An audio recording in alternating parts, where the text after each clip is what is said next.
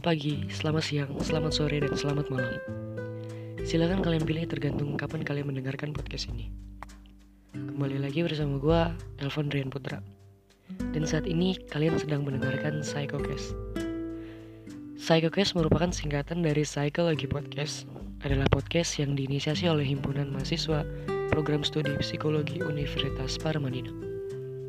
Di podcast ini, kalian akan mendengarkan banyak hal menarik seputar dunia psikologi. Selamat mendengarkan.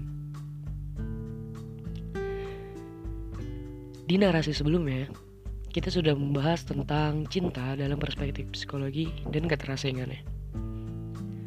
Setelah mengerti tentang cinta, apa kalian berniat untuk menemukan cinta yang baru? Lalu, bagaimana cara menemukannya? Apalagi masih masa pandemi susah PDKT dong kecuali dari jarak jauh nah fenomena seperti itu disebut cyber love gue akan kenalin dulu sama kalian mengenai cyber love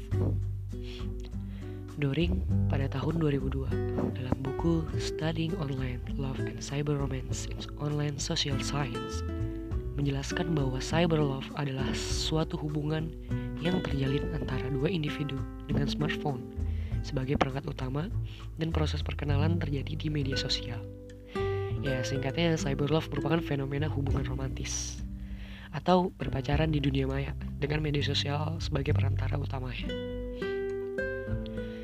Lalu, penelitian online intimacy and well being in digital age yang dilakukan oleh Loman Skuha dan Matthew pada tahun 2016 memperkuat hal ini. Menurutnya, pada era digital, kehidupan psikososial individu dewasa bertambah kompleks dan beban pekerjaan semakin tinggi ya. Nah, semak, sehingga hanya memiliki sedikit waktu luang. Nah, sedikit waktu luang ini membuat komunikasi antar pasangan terbatas. Namun dengan hadirnya beragam media sosial membuat komunikasi menjadi lebih mudah. Berkomunikasi melalui smartphone seperti chatting, free call, dan video call ini dianggap lebih praktis dan menghemat waktu. Eh, terlepas dari beberapa kendala, aplikasi semacam Twitter, Facebook, WhatsApp, Instagram, Tinder, menjadi beberapa pilihan yang bisa kita gunakan untuk memulai cyber love. Lomana Squad dan Matthew menilai bahwa tidak ada perbedaan antara pecinta dunia nyata dengan dunia maya. Ya meskipun para cyber lover atau para pelaku cyber love belum pernah bertemu dan bertatap langsung dengan pasangannya. Ya mereka tetap bisa dan mampu menjalin suatu hubungan yang intim bahkan hingga ke jenjang pernikahan. Hal yang perlu diingat adalah bahwa media sosial adalah dunia yang bisa saja menipu. Ya jatuh cinta dengan orang baru di media sosial memang nggak terlarang ya. Namun bukan berarti kalian bisa melakukan begitu saja. Banyak yang bisa dimanipulasi, usia, pendidikan, bahkan wajah sekalipun. Ya, wajah. Banyak aplikasi atau filter yang bisa memberikan efek tertentu hingga membuat wajah menjadi lebih rupawan. So, be careful guys. Hah, cyber love. Benarkah ini sebuah cinta atau hanya sekedar perasaan tanpa sebuah rasa yang nyata? Benarkah ini sebuah cinta atau hanya bentuk manipulasi semata? ya, ketika kalian mulai penasaran dengan sosial media seseorang, mencoba menghubunginya, stalking profilnya, bisa jadi kalian mau PDKT tuh. Dan tanda-tanda lainnya ya biasanya kamu selalu update status mengenai dia, memberikan kode-kode tertentu. Jangankan berharap dia mengerti perasaan kamu. Dia hanya melihat pun kalian udah seneng kan? Mission success. Dan ketika dia mulai berinteraksi dengan kamu melalui budaya maya, nah itu sensasinya seperti sama seperti saat kamu bertemu langsung dengannya. Tapi sepertinya yang tadi gue bilang ya, kalian harus lebih jeli dan selektif lagi. Karena kebohongan itu rawan terjadi di dunia, di dunia maya. Seringkali kenyataan di media sosial tidak seperti yang kita harapkan. Kita harus belajar realistis dan menerima konsekuensi itu. Jatuh cinta emang terkadang tidak mengenal tempat. Kita bisa merasakan perasaan jatuh cinta di mana aja dan kapan aja. Gak jarang juga cinta tumbuh karena terbiasa. Yaitu terbiasa untuk bertemu dan terbiasa untuk berinteraksi. Namun bagi para cyber love, terbiasa di sini akan beralih menjadi terbiasa berkomunikasi di dunia maya secara terus-menerus.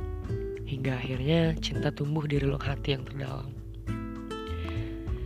ketika kita menjalin hubungan dengan seseorang yang belum pernah kita jumpai, kita pastinya terjatuh ke dalam perandaian yang menghantui isi pikiran kita. Seperti yang pertama, terjebak dalam labirin ekspektasi. Anggap ada dua orang. Ada dua orang yang menjalin hubungan cyber love yang belum pernah bertemu. Lalu atas alasan apa kalian atau mereka memiliki perasaan satu sama lain? Nah, Itulah kenapa pastinya muncul beragam ekspektasi di benak mereka yang membuat mereka memutuskan untuk menjalin hubungan tanpa pernah bertemu. Misalnya, si laki-laki berekspektasi kalau perempuan tersebut memiliki wajah yang cantik dan manis seperti Dian Sastro. Dan sebaliknya, si perempuan berekspektasi kalau laki-laki tersebut memiliki wajah yang tampan dan rupawan, eh seperti David Beckham ekspektasi yang terbayangkan sangat sempurna ya. Tapi mereka belum pernah bertemu. Hanya melihat postingan foto atau profile picture. Jika ekspektasi tersebut tidak sesuai realita, apakah mereka masih akan mencintai satu sama lain? Maka dari itu jangan terlalu berekspektasi terlalu tinggi, sedangkan kita belum pernah bertemu. Lakukan yang terbaik kepada diri sendiri untuk mendapatkan yang baik pula. Kedua, pencitraan. Ya, pencitraan merupakan gambaran terhadap suatu hal. Saat kita menjalin hubungan dengan seseorang, komunikasi menjadi hal yang penting. Ya, sangat penting. Saat berkomunikasi, itulah tanpa kita sadari dan sering terjadi, kita melempar perhatian pada lawan kita dengan niat untuk mendapatkan nilai plus. Ya, trik lama yang tak pernah pudar pada saat orang tersebut mengingatkan untuk jangan lupa beribadah, jangan lupa untuk belajar, jangan lupa untuk selalu bersemangat dalam bekerja. Ia berbicara layaknya pakar yang ahli dalam banyak bidang lah. Seringkali memberitahu suatu hal yang dibilang sebagai ajang pamer. Lalu kita menganggap bahwa orang tersebut hebat dan ahli dalam bidang tertentu dan masuk ke kriteria pasangan idaman. Tapi Sadarkah kalian, hanya dengan mengingatkan dan memamerkan sesuatu melalui ketikan, semua orang bisa melakukannya. Bermodalkan jari jemari tangan dan berdansa di atas keyboard, dirinya telah mampu menciptakan pencitraan sebagai orang yang hebat dan ahli dalam bidang tertentu. Padahal, bisa aja kan dirinya belum hebat dan belum ahli dalam bidang tertentu. Kenyataannya tidak seperti pencitraan yang diluncurkan melalui jari jemarinya kan. Bisa aja loh dan yang terakhir jurus hantu alias ghosting. Kayaknya ini banyak banget kasusnya ya. Iya dampak selanjutnya adalah menghilang bagaikan hantu tanpa jejak hingga tanpa salam untuk pamit. Wow, fenomena seperti ini nih udah menjadi rahasia umum. Entah kenapa ghosting bisa terjadi.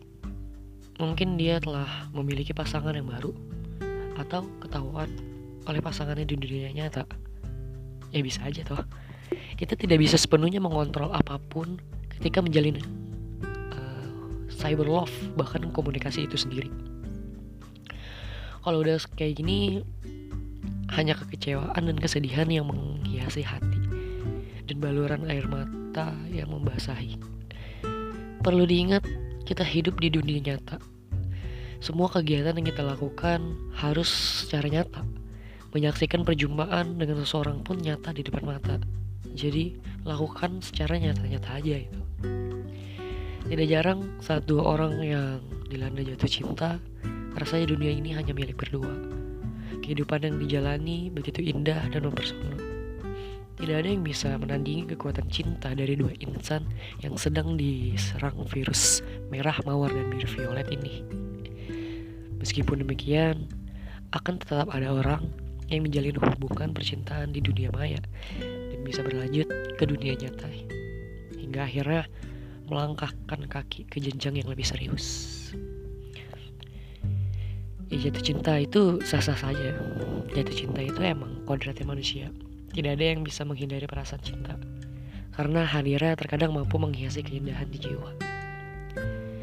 Seperti yang dinyatakan oleh Parks and Floyd, bagi mereka dunia maya hanyalah tempat lain untuk bertemu aja.